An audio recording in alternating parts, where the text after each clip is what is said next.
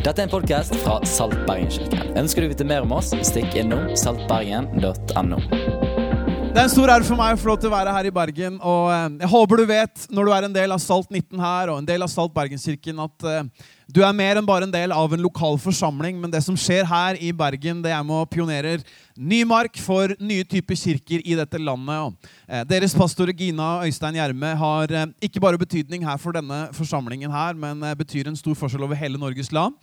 Og jeg håper du forstår at det ikke bare gjelder Øystein og Gina, men at det gjelder deg som er en del av denne forsamlingen. Du tenker kanskje at ja, jeg går bare på møter i Salt Bergen og går på Salt 19 og server og tjener og er med på team og gjør de greiene som skjer fra uke til uke. men det du er med og investerer her, er med å gi et nytt bilde av kirke i landet vårt. Så du kan få lov til å gi deg selv en stor applaus for at du er en del av dette.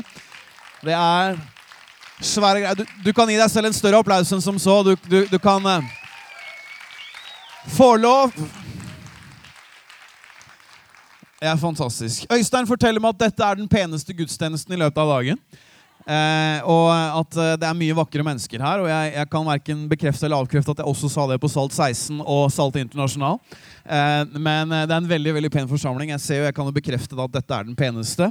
Eh, så det her, eh, du skal kjenne deg privilegert og er en del av en så, så vakker forsamling. du drar opp snittet der du sitter og nyter livet. Er du klar for Guds ord, eller? Er det flere enn tre som er klare for Guds ord? Er bra. Du kan få lov til i dag. Du har tillatelse til å tappe inn i dine pentakostale røtter og skrike til meg mens, mens jeg preker. Du har helt lov til å rope eh, hei, hå, preach it. Eh, amen og halleluja kan du kanskje liksom holde litt rolig. Eh, kan noen sitte ved siden av deg og tenke hva i all verden er det jeg har kommet på nå? Hvis du begynner å rope veldig høyt halleluja. Eh, men du har lov til å, å, preke tilbake til meg. Du vet at eh, i Der hvor jeg kommer fra, Intro Oslo, Intro Drammen og Intro Tønsberg, så, så, sier vi at forkynnelse det er ikke en, en eller annen fyr som står her oppe og bare leverer et budskap, men det er et kollektiv som sammen beveger seg i en felles retning. Så eh, jeg gleder meg til å preke til Salt 19 i dag. Det er liksom en ting jeg har gleda meg gjennom hele dagen til. Eh, og ikke bare i dag, men eh, mange uker i forveien til å være her. En stor ære. Eh, vi er så takknemlige for Gina og Øystein, og vi er så takknemlige for det som skjer her. Og som sagt så håper jeg du forstår hvor svært det du er en del av, egentlig er. Og at du er med og betyr en stor forskjell for landet vårt. Jeg har lyst til å lese en bibeltekst for deg i dag og dele med deg noen tanker ut ifra noen bibelske ord som kanskje som regel eh, oftest sies i slutten av en gudstjeneste. Til og med på Salt 16, som jeg var på her nå, så var Sigurd han som er da, Når eh, meldingen er på toppen av pallen, så er han på toeren på eh, OL i møteledelse. Eh, eller kanskje vi skal si en delt førsteplass, da, så blir det ikke noen krangling her på første benk. Eh, men eh, Sigurd, når han avslutta sin 16-gudstjeneste, så var det sånn at han også denne gangen delte disse ordene og sa disse ordene utover forsamlingen. Da skal jeg preke en hel preken fra 4. Mosebok kapittel 6, og vi skal lese fra vers 24 til 26 i Jesu navn. Det står som følger.: Herren velsigne deg og bevare deg. Herren la sitt ansikt, si ansikt, lyse over deg og være deg nådig. Herren løfte sitt ansikt eller sitt åsyn mot deg og gi deg fred. Jeg skal lese det en gang til, så du har det godt inn under huden nå før vi skal begynne å preke til deg. Det står 'Herren velsigne deg og bevare deg'. Herren la sitt ansikt lyse over deg og være deg nådig. Herren løfte sitt ansikt eller sitt åsyn mot deg og gi deg fred. I Jesu navn. Amen tenkte vi skulle be en bønn, og så skal vi se hvor dette kan eh, dra i gårde, dra i vei. Og jeg håper i kveld at jeg kan preke ikke bare til din søndag, men også til din mandag, tirsdag, onsdag, torsdag, fredag. Derfor vi er her som kirke, at vi eh, varmer opp til det virkelige livet der ute. og Derfor så preker vi i dag til din hverdag. Eh, tenkte jeg skulle be en bønn, og hvis du henger med meg de neste 20 sekundene, så kan det hende at dette går bra. Det er alltid spennende å se hvordan det går. Eh, spennende for meg, spennende for deg. Men hvis du ber hardt og intenst de neste 20 sekundene, så kommer dette til å gå veien. Er du med meg på det, eller? Det er veldig bra. Vi takker deg, Far i himmelen, for at du er her. Vi takker deg for eh, privilegiet det er å feire gudstjeneste. Privilegiet det er å samles omkring ditt ord. Ha muligheten til å se lys i ditt lys og få lov til å finne tak på ditt ord som skaper det det nevner i livene våre. Takk at jeg Jeg slipper å stå her og skulle agitere og levere mine egne filosofier og tanker. først og fremst. Det hadde vært eh, tamme greier. Men takk at jeg kan servere ditt ord, som er levende og som er kraftig. Som skaper det det nevner i menneskers liv. Takk at du vet om hver eneste person i dette rommet. Du vet om de som kjenner deg godt, du vet om de som kanskje er helt nysgjerrige, kanskje stakk hodet innafor døra og lurer på hva de har kommet til. Takk at du har de her i dag for en hensikt, far. Og takk at du elsker oss hver enkelt en. Og takk at du møter oss og møter våre behov. Vi gir deg pris og ære. Så takker vi deg for brann, at det skal gå bra, og at gullet skal hjem. I Jesu navn. Amen. Amen. Amen. Jeg vet dere har hatt et år med bønn og faste her i Bergen. Og eh, nå har Brann kommet opp. Tapte mot Hødd i dag, riktignok, men hva betyr vel det når man først er oppe? Jeg mener, Det er jo det er bare hyggelig for Hødd at de fikk med seg en trepoenger her på slutten, men eh, veldig deilig å ha Brann oppe der hvor de hører hjemme. Erik Huseklepp og gjengen kommer til å forandre verden neste år. Det er jeg ikke i tvil om. Det går bra. Det er fint, det her. Du vet, vi predikanter vi har en sånn her sykdom. Eh, vi har jo flere sykdommer. Du vet at Vi er ikke helt eh, riktig vel bevart. Vi er litt weird. Eh, men vi har en liksom fremtredende sykdom framfor alle andre sykdommer. Og det er predikantsykdommen. At vi preker uansett hvor vi er, og når vi er der.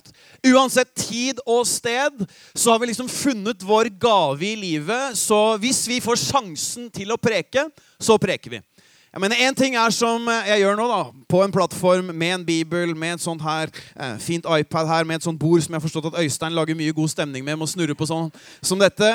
Og eh, Vi er veldig glad for det, å kunne preke her i dag. Men hvis du er så dum at du inviterer meg på en kopp kaffe, f.eks., og du stiller feil spørsmål til feil tid, og du stiller et spørsmål som liksom får meg i gang, så kan jeg garantere deg at jeg preker ikke bare fra denne plattforma her, men jeg preker gjerne til deg over kaffekoppen.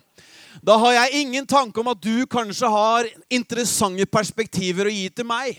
Men jeg er on a roll. I'm in preaching mode. Så da beveger jeg meg, og jeg kjenner at nå har du stilt et spørsmål hvor jeg er på gang. Du har liksom putta på femmeren, og da er jeg i gang. Jeg er, enten jeg er på kafé eller jeg er på en prekestol eller jeg er i et middagsselskap, så kjenner jeg at eh, får jeg sjansen til å preke, så preker jeg. Det er en sykdom som de fleste andre predikanter også har. Til og med når vi er på TV, folkens så tror vi predikanter at preking det er det som forandrer verden hver eneste gang. Jeg vet ikke hvor mye du ser på kristen TV, eh, men eh, det er sånn at vi er glad for at det finnes fantastisk bra kristne TV-produksjoner. Vi hadde Egil Svartdal her på scenen forrige søndag, hvis jeg forsto rett. Jeg mener, Hvor fantastisk er ikke Egil til å skape nydelig dialog på TV-skjermen? Stille gode spørsmål, gjøre intervjuer som, som, henter det beste ut av mennesker rundt seg. Han skaper dialog. Men så har du jo noe man heller kanskje kan kalle for litt mer sånn lavbudsjett kristen TV. Can I get a witness? Eh, det er den type TV som mine kompiser som ikke tror så mye, bruker som både vorspiel og nachspiel-stemning. Og eh, nå prøver ikke jeg å henge ut kristen TV her. altså Det er sikkert mye du kan se på kristen TV. Eh, I hvert fall en viss brøkdel. Så kan du finne gode greier. Men det finnes jo det som jeg da vil kalle litt sånn lavbudsjett kristen TV. Og det er jo liksom ofte da at vi også på TV tenker at løsningen på alt er preking. liksom. Predikanten har funnet sin gifting, men ikke nødvendigvis begrensningene. Så vi setter opp et kamera, altså nistirrer vi i kamera, altså nipreker vi. Gjerne en time. Gjerne to timer. Jeg mener, Vi gir jernet og kikker intenst i kamera. Eh, jeg har til og med sett en gang på eh, litt mer sånn lavbudsjett kristen TV. da, En som hadde satt opp Hvem trenger et TV-studio, liksom? Han hadde satt opp kamera i stua si hjemme. Og han sitter der og gjør som vi beskriver nå, kikker intenst i kamera og gir jernet og preker så fillene fyker. Og så ser du etter hvert at kamera begynner å tippe sakte, men sikkert nedover sånn her. Og da tenker du sikkert han har en eller annen medarbeider en eller annen assistent som står bak og er kameramann. Nei, nei, nei. Da reiser han seg opp fra sofaen, løper rundt og tilbake liksom bak kameraet, jekker opp kameraet igjen, løper tilbake i sofaen og preker like intenst. Det er predikanter i et nøtteskall. Vi tror at preking løser alt. Og Nå er ikke jeg så mye på TV, men jeg har mine arenaer hvor jeg altså går inn i dette moduset. En av mine verste arenaer for dette, det er middagsselskaper. Vi er på middagsselskap, og det sitter hyggelige mennesker rundt bordet, og så er det en av dem som er så dum at de stiller et spørsmål hvor jeg kjenner Yes, her har jeg noe å levere. Her har jeg et budskap. Det kan være Manchester United, det kan være teologi, det kan være et eller annet tema som jeg kjenner Her har jeg mye å levere. Og da tenker jeg ikke på at det kanskje finnes andre folk i denne forsamlingen, andre folk rundt dette middagsbordet, som kanskje kan komme med noen interessante perspektiver. Because I'm in preaching mode. Så da leverer jeg varene og sørger for at de blir nedrent av ord. Det er i sånne situasjoner og ved sånne anledninger det er bra å ha en god kone. Og Kristine, min kone, min bedre halvdel, hun trenger ikke sitte rundt det bordet der hvor jeg sitter. Hun kan gjerne sitte på andre siden av rommet. Og når jeg kaster et blikk over til andre siden av rommet uten å si så mye som et ord, har hun med et ansiktsuttrykk kommunisert mye mer enn tusen ord kan si. Alle her som er gift, og jeg vet det er sikkert ikke så fryktelig mange av dere, men alle her som er gift eller har en kjæreste, alle gutter, dere vet veldig godt hva jeg mener. Det ansiktsuttrykket som bare kommuniserer mer enn tusen ord. Ah! Liksom Hold kjeft i klartekst, er det hun prøver å si. Andreas, stopp! Time out! Vær stille! Det finnes andre rundt bordet som også kunne tenke seg å si noe. Hennes ansiktsuttrykk kommuniserer mer enn tusen ord.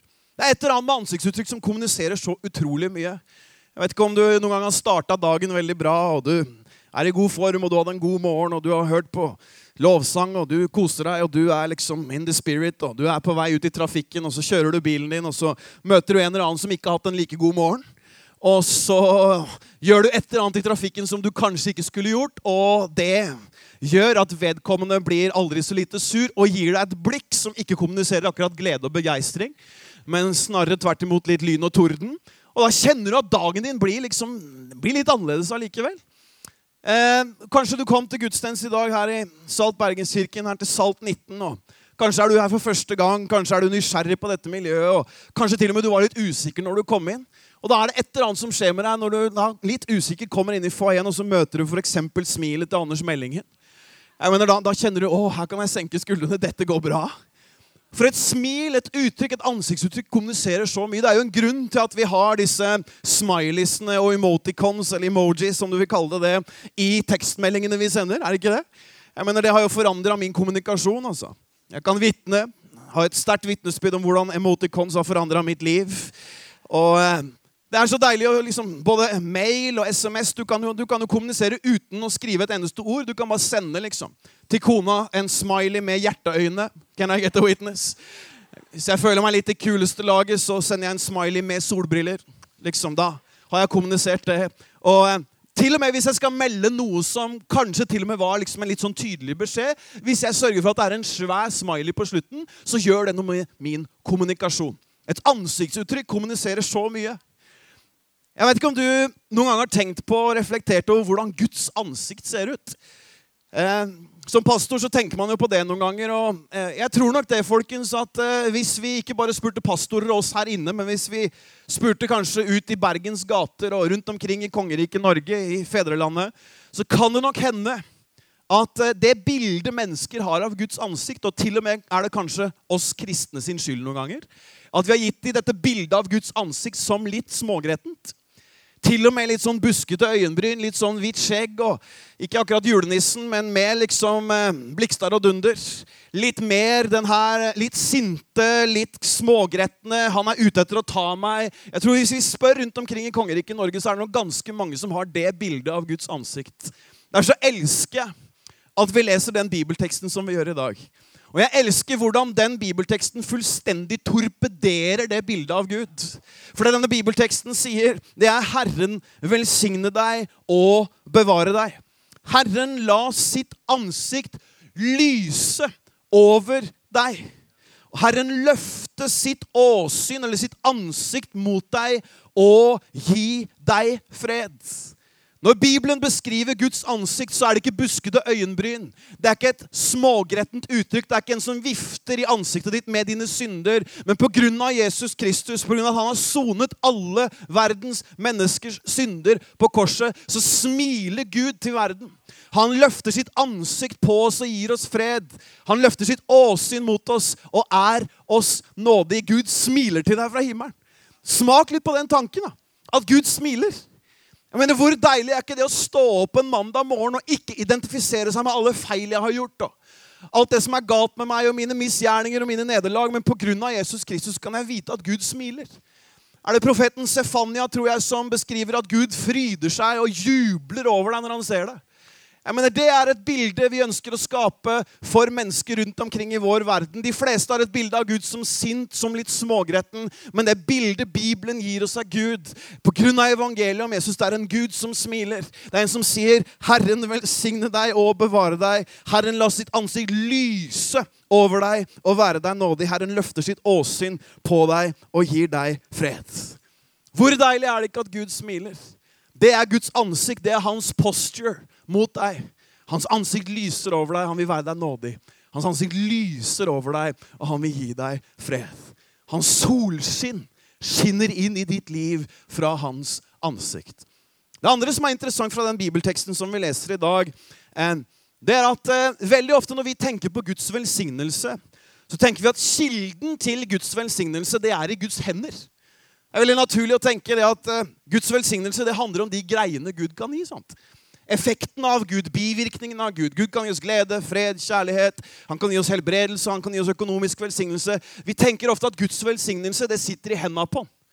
Men det er veldig interessant å se her. Her beskriver Bibelen Guds velsignelse. Og det er ganske interessant å se hvor den første og fremste kilden til velsignelse er. For det står ikke i denne teksten når det står om Herren velsigne deg og bevare deg, så står det ikke først og fremst om Guds hender. Men det står først og fremst om Guds ansikt. Det står 'Herren velsigne deg og bevare deg'. Herren la sitt ansikt lyse over deg og være deg nådig. Herren løfter sitt åsyn, eller sitt ansikt, mot deg og gir deg fred. Veldig ofte folkens, så søker vi Guds hender. Vi søker greiene Gud kan gi. Vi søker bivirkningen av Gud, effekten av Gud, tingene han kan gi. Og så hør her. La meg presisere det fra start i mitt budskap. Gud er en god Gud. Han elsker å gi oss gode gaver. Men det kan hende vi mister den største velsignelsen av dem alle hvis alt det vi gjør når vi kommer til Gud, er å komme til han litt som vi kommer til julenissen. Vi kommer med ønskelista vår, liksom. Tante Gerda, tante Magda, hjelp på matteeksamen. I Jesu navn. Amen. Og så stikker du ut døra, og så er det din kommunikasjon med Gud. Hør! Igjen sier jeg og understreker Gud er en god Gud. Han elsker å gi deg gode gaver, men det kan hende du misser den største skatten av dem alle. Kilden til Guds velsignelse er ikke først og fremst i hans hender, men den første og fremste skatten, den største velsignelsen av dem alle, det finnes i det nære, intime fellesskapet med Gud, der vi ikke bare søker hans hender for greiene han kan gi, men der jeg er med Gud fordi han er Gud. Der jeg kan bli oppslukt i hans hans vesen og hans karakter. Der vi ikke bruker all tiden i bønn på å spørre Gud om greier, men der vil jeg nyte synet av hans vesen. Der jeg tilber og takker han. Der jeg gir han min oppmerksomhet, og der jeg får lov til å møte han ansikt til ansikt. Himmelens og jordens skaper. Og på grunn av det Jesus har gjort, så finnes det ingenting som skiller meg fra det aller helligste, det intime, nære fellesskapet med min far i himmelen. Veldig ofte så søker vi Guds hender. Og Det minner meg litt om eh, sånn jeg relaterer til fattern. Spesielt når jeg var liten. Så var det sånn at uh, Fattern er misjonær og har alltid vært misjonær. og når jeg var liten gutt, for å gjøre en lang historie kort, så hadde han noe sånn som 250 reisedøgn i året. Og eh, Mange lurer på om jeg har fått varige men og sår i sjela pga. at fatter'n reiste så mye. Men faktum er at eh, det er det livet vi alltid har kjent til. Og vi var egentlig også veldig stolte over det pappa gjorde. For han reiste rundt omkring i hele Øst-Europa og gjør det til dags dato og sørger for å hjelpe mennesker. Tusenvis av mennesker hvert eneste år får hjelp gjennom hans arbeid, Open Heart. Og eh, vi var stolte over det. Men det ble noen reisedøgn på han da, i løpet av et år. Han reiste rundt omkring. og eh, Det som var det beste med at han reiste, det var at han også kom hjem, selvfølgelig. Og eh, da var Det sånn at det var jo nydelig å se han, og vi var glad for å se fattern. Men det vi visste, David, min yngre bror på tre år yngre enn meg, og jeg, vi visste at når fattern kommer hjem, så er det et eller annet med han i kofferten. Vi visste at eh, når vi var små, så fløy han med SAS og med Bråtens. Jeg mener da begynner du å bli gammel når du husker flyselskapet som heter Bråtens. Bråten Safe. Og det de hadde på Bråten sine flighter og på SAS sine flighter, det var sånne små flyesker med snop oppi. Salte ufo, en liten Stratos, jeg husker veldig godt hva som lå oppi. En liten sånn hobby. Jeg mener Den svære hobbyen den er litt for svær for min smak, men den der lille, fine hobbyen den var veldig veldig fin. Eh, oppi der lå det sånne røde geléfrukter. Det var mye godt oppi den. Og når fattern kom hjem fra Romania eller Polen eller Bosnia-Hercegovina eller Ukraina, eller hvor han måtte ha vært, så kom han hjem, og da var det sånn 'Å, pappa, så fint å se deg.' Men det var veldig fort at fokus snudde på 'Hva har du i kofferten?' Hva er greiene? Hvor, har du gavene? Etter hvert som vi blir litt større, så, så var det ikke godterieske fra SAS og Bråtens, men det var deodorant og og det toalett, og han ville liksom gi oss mye godlukt, så han vi kunne få oss en dame og komme oss ut av huset, sikkert. Eh, hva veit jeg. Men eh, han sørga for å gi oss gode gaver. Og hør her. Fattern er en veldig ok fyr, så han er jo glad i å gi oss gode gaver. Men han satte jo ekstra pris på når vi klemte han. Når vi sørga for å gi oppmerksomheten mot at han var hjemme. Og hør, Gud er ikke en usikker fyr, så hvis du gir han litt for lite oppmerksomhet, så blir han litt stressa. Hør her. Som jeg sier igjen, Gud elsker å gi deg gode gaver, men den største og beste velsignelsen av dem alle, og den første og fremste kilden til velsignelse i ditt liv, den største skatten av alle skatter, det er ikke greiene du kan få fra Gud, men det er å være med Gud fordi han er Gud. Han er ikke en slags brusautomat som du putter penger på eller bønner på for å få greier ut, men du kan få lov til å nyte fellesskapet med han. Bli glad i han fordi han er han. Bli glad i Gud fordi han er Gud. Denne prekena kunne egentlig hett Gud. Punktum. kunne hett. For veldig ofte så tenker vi på greiene Gud kan gi, effekten av Gud, bivirkningen av Gud. Og hør, det er ikke noe direkte feil med det. Men greia er at vi ofte misser det som er den største og fremste skatten. Herren velsigne deg og bevare deg. Herren la sitt ansikt lyse over deg og være deg nådig. Herren løfte sitt åsyn på deg og gi deg fred. Det jeg kan fortelle deg, det er at når du ser inn i hans ansikt og hans øyne som gir fred, så kommer hjertet ditt til å falle til ro, og du kommer til å vite at han kommer til å sørge for de tingene som du trenger. Selvfølgelig har himmelens og jordens skaper omsorg for dine behov. Definitivt. Men du vil finne at den første og fremste skatten, min virkelige skatt, finnes i det nære fellesskapet med Han. Der jeg nyter synet av Hans vesen, Hans karakter. Der vi er med Gud. Og når jeg eier Han, da har jeg alt jeg trenger. Et av de versene i Bibelen som jeg har levd mest på i mitt liv, det er liksom mine vers. Du kan selvfølgelig få låne dem, men det er egentlig mine. De står i Salme 37 og vers 4 eh, og 5. Vi skal få Salme 37, vers 4 på skjerm her nå. Det står som følger i Salme 37, vers 4.: Gled deg i Herren, så vil Han gi deg det ditt hjerte trakter etter. Vers 5 sier, Sett din vei i Herrens hånd, stol på ham. Han skal gjøre det. Men hør på den deilige arbeidsfordelinga i Salme 37, vers 4. Gled deg i Herren, så vil Han gi deg det ditt hjerte trakter etter. Er ikke det deilig? Altså, Jeg slipper å bekymre meg for hvordan jeg skal få de greiene som mitt hjerte trakter etter. Mens min del av oppgaven det er å glede meg i Herren. Og da forklarer Bibelen da at når jeg gleder meg i Herren, så vil Han sørge for å gi meg det mitt hjerte trakter etter. Min oppmerksomhet er ikke mot å bekymre meg for hvordan disse greiene skal skje. Ja, men hva med tjenesten, liksom? Vel, gled deg i Herren, så vil Han gi deg ditt hjerte trakter etter. Ja, men hva med en bra mann eller en bra kone? Vel, Gled deg i Herren, så vil han gi deg det ditt hjerte trakter etter. Ja, men hva med økonomien min, da? Ja, gled deg i Herren, så vil han gi deg det ditt hjerte trakter etter. Jeg vil til og med påstå at når du gleder deg i Herren, så kan det hende at ditt hjerte begynner å trakte etter andre greier enn det de trakta etter før. Det kan godt hende at til og med Gud justerer ditt hjerte, sånn at drømmene og tankene og det ditt hjerte begjærer, ikke bare handler om deg, men at det handler om større hensikter, at det handler om andre mennesker, være til velsignelse for dine omgivelser. Gud har omsorg. Han veit hva du trenger. Han veit hva du har behov for på alle livets områder. Og det vakreste, nydeligste, det er at du kan fokusere på han. Du kan finne din trygghet, din tilfredsstillelse, din salighet, din lykke. Du skjønner, Det finnes ikke noe annet sted. Du kan leite hele jorda rundt for å finne den tilfredsstillelsen du, som du finner innenfor hans ansikt. Du kan reise hele jorda rundt og reise på verdens beste ferier, drikke verdens beste kaffe. Kom til Oslo. Tim Wendelboe er der. Kan du få smake. God stemning. Jeg var i Stockholm i helga og fikk kaffe servert av en som går i Hilsung Stockholm, som er eh, svensk mester i baristakunst. Jeg mener det var god kaffe. Du kan gjerne reise kloden rundt for å få gode matopplevelser. Du kan drikke så mye champagne som du klarer, men du kommer til å våkne like tørst dagen etter uansett. Du skjønner, du kan, du kan ønske deg den tilfredsstillelsen, men den finnes kun ett sted. Den finnes innenfor Guds ansikt. Det er det du er skapt til. Du er skapt til fellesskapet med himmelens og jordens skaper. Mitt fokus er at jeg kan glede meg i Herren. Og så veit jeg mitt hjerte faller til ro. Jeg veit at Han sørger for meg. Jeg veit at Han har kontroll. Jeg veit at mine behov er dekket. Men mitt fokus er ikke på det. Mitt fokus er på Han. Og da faller mitt hjerte til ro. Jeg veit at Han har kontroll på mitt liv.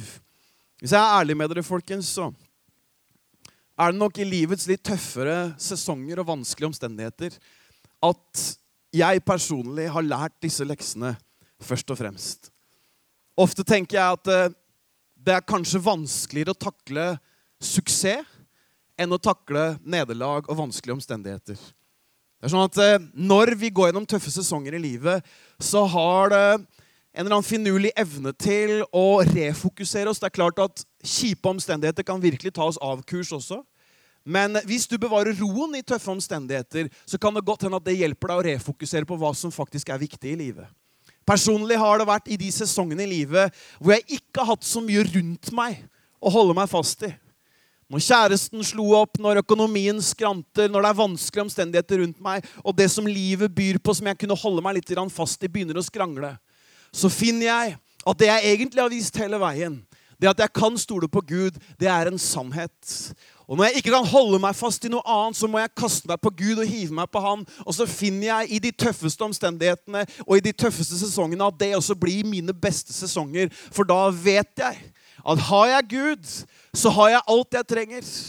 Han har kontroll på mine behov, han har kontroll på min framtid. Han vet hvor jeg skal, hvem jeg skal sammen med. Han vet hva jeg trenger økonomisk. Det betyr ikke at livet alltid er lett, men jeg vet at har jeg han, da har jeg alt jeg trenger. Jeg finner min glede, min begeistring, min trygghet, min tilfredsstillelse innenfor Guds ansikt. Det er eh, også sånn da at når velsignelsene først kommer, så vet du hvor kilden er. Er det ikke lett, folkens, når suksessen kommer, framgangen kommer, og det blomstrer rundt oss, at vi begynner å drikke av feil kilder? Som pastorer, når besøkstallene i kirka begynner å gå opp, så tenker vi oh, look at this. Og så begynner vi å drikke av det som en kilde til glede. Og så finner vi at det kommer søndager som er gode, og det er søndager som er mindre gode. Og så begynner vi å drikke og spise av feil kilder, og så glemmer vi at vår første og fremste kilde er i relasjonen med Gud. Hør her. Hvis du forstår dette, og det jeg snakker med deg om i dag, at din første og fremste skatt er i det nære, intime fellesskapet med Gud, da kommer du ikke, til, kommer du ikke til, å gå for langt opp når det går veldig bra. Og du kommer heller ikke til å gå for langt ned når det går veldig dårlig.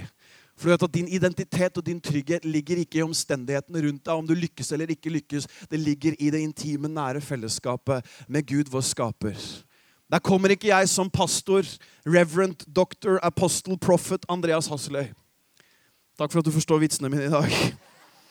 Der kommer ikke jeg med pastoridentitet for Gud, men jeg får lov til å være lille gutten til pappa. Og får lov til å finne ro og trygghet på hans fang. Jeg får lov til å finne min trygghet og identitet og verdi sammen med han.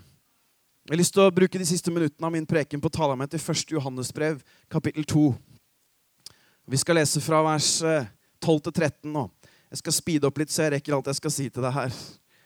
Bibelen sier i 1. Johannesbrev 2, vers 12-13.: Dere barn, jeg skriver til dere fordi dere har fått syndene tilgitt for hans navns skyld. Dere fedre, jeg skriver til dere fordi dere kjenner Han som er fra begynnelsen av.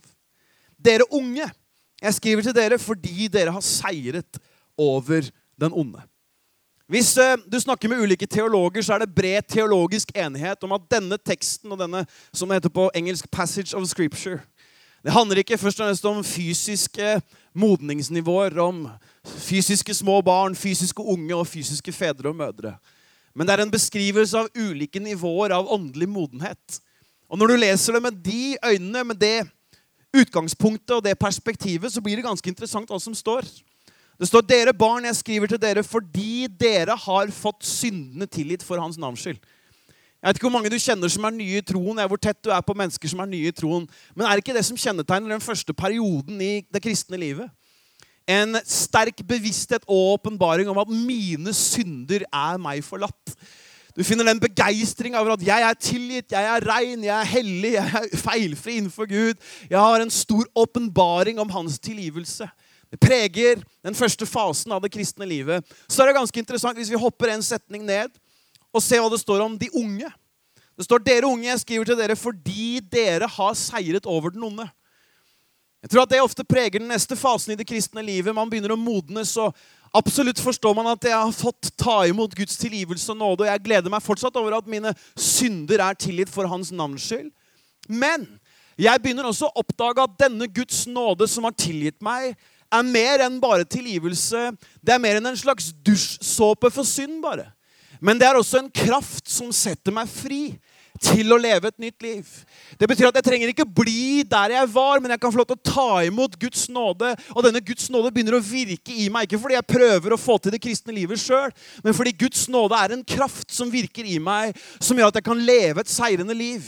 Jeg kan komme over de dårlige vanene jeg satt fast i før. Det finnes kraft, det finnes oppdrift i det kristne livet og i Guds nåde.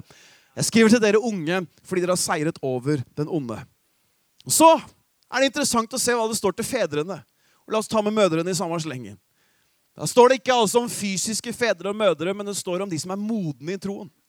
Det står 'dere fedre, jeg skriver til dere fordi dere kjenner Han som er fra begynnelsen av'.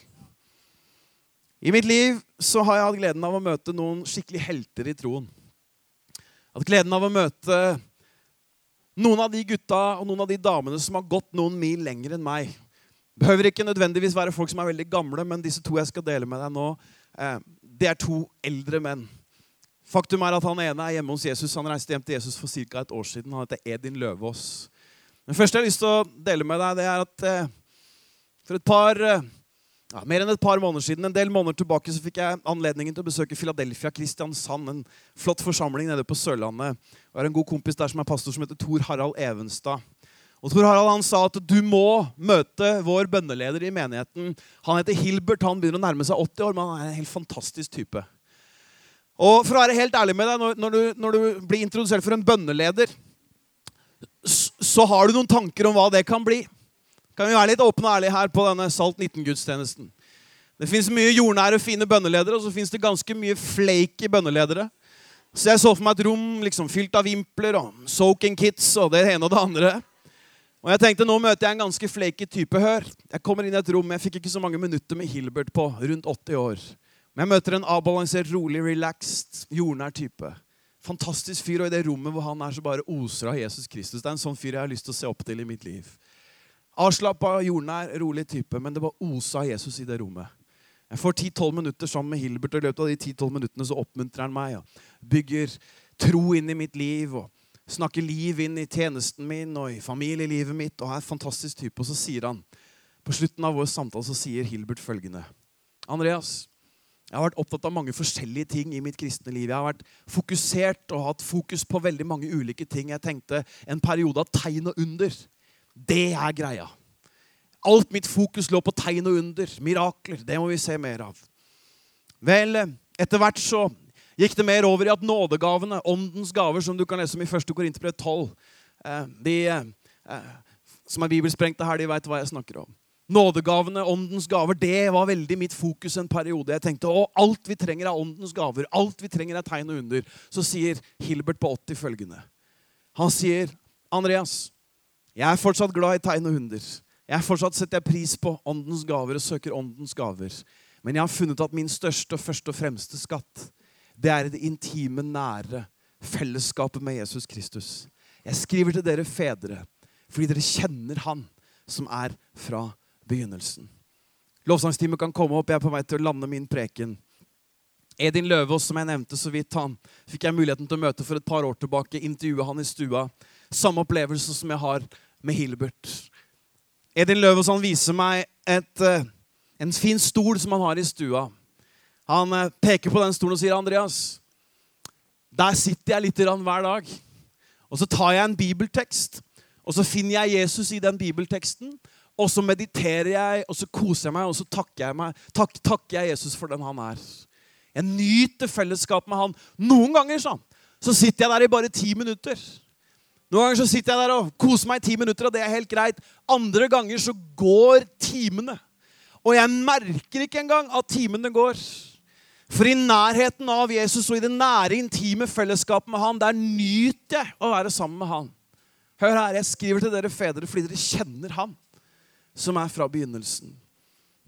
Jeg er på vei til å avslutte min preke, men jeg har vært her egentlig i dag med en enkel hensikt.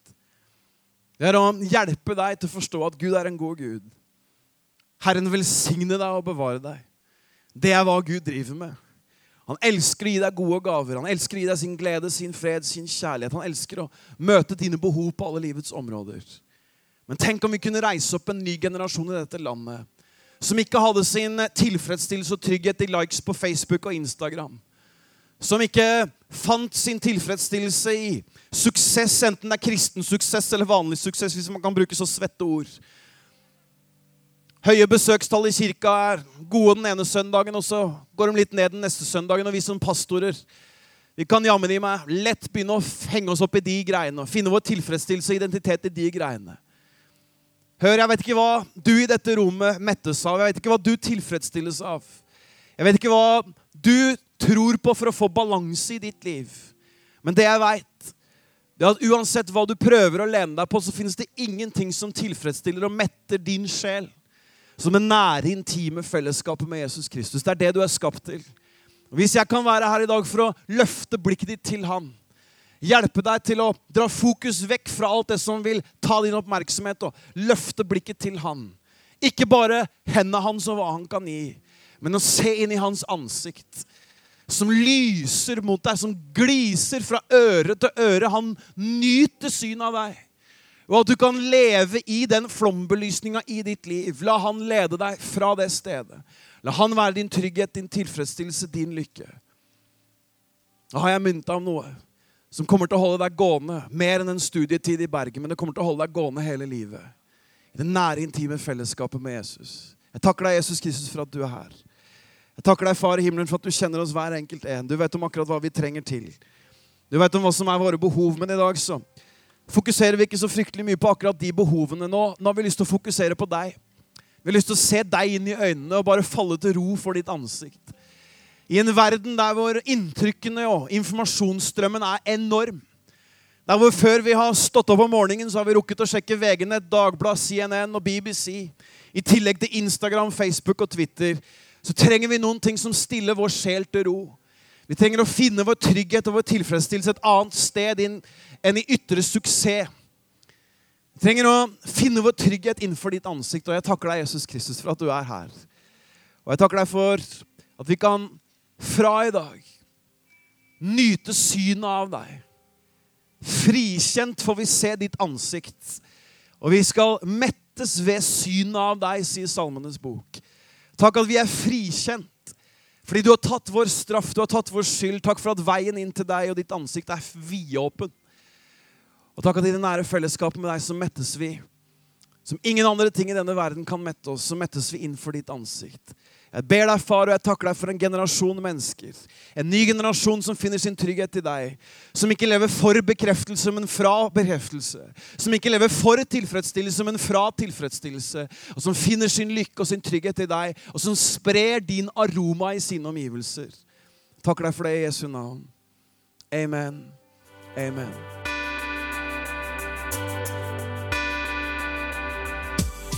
Takk for at du har lyttet til podkast fra Saltbergenkirken. Vår visjon er å lede mennesker til et nytt og bedre liv gjennom etterfølgelsen av Jesus.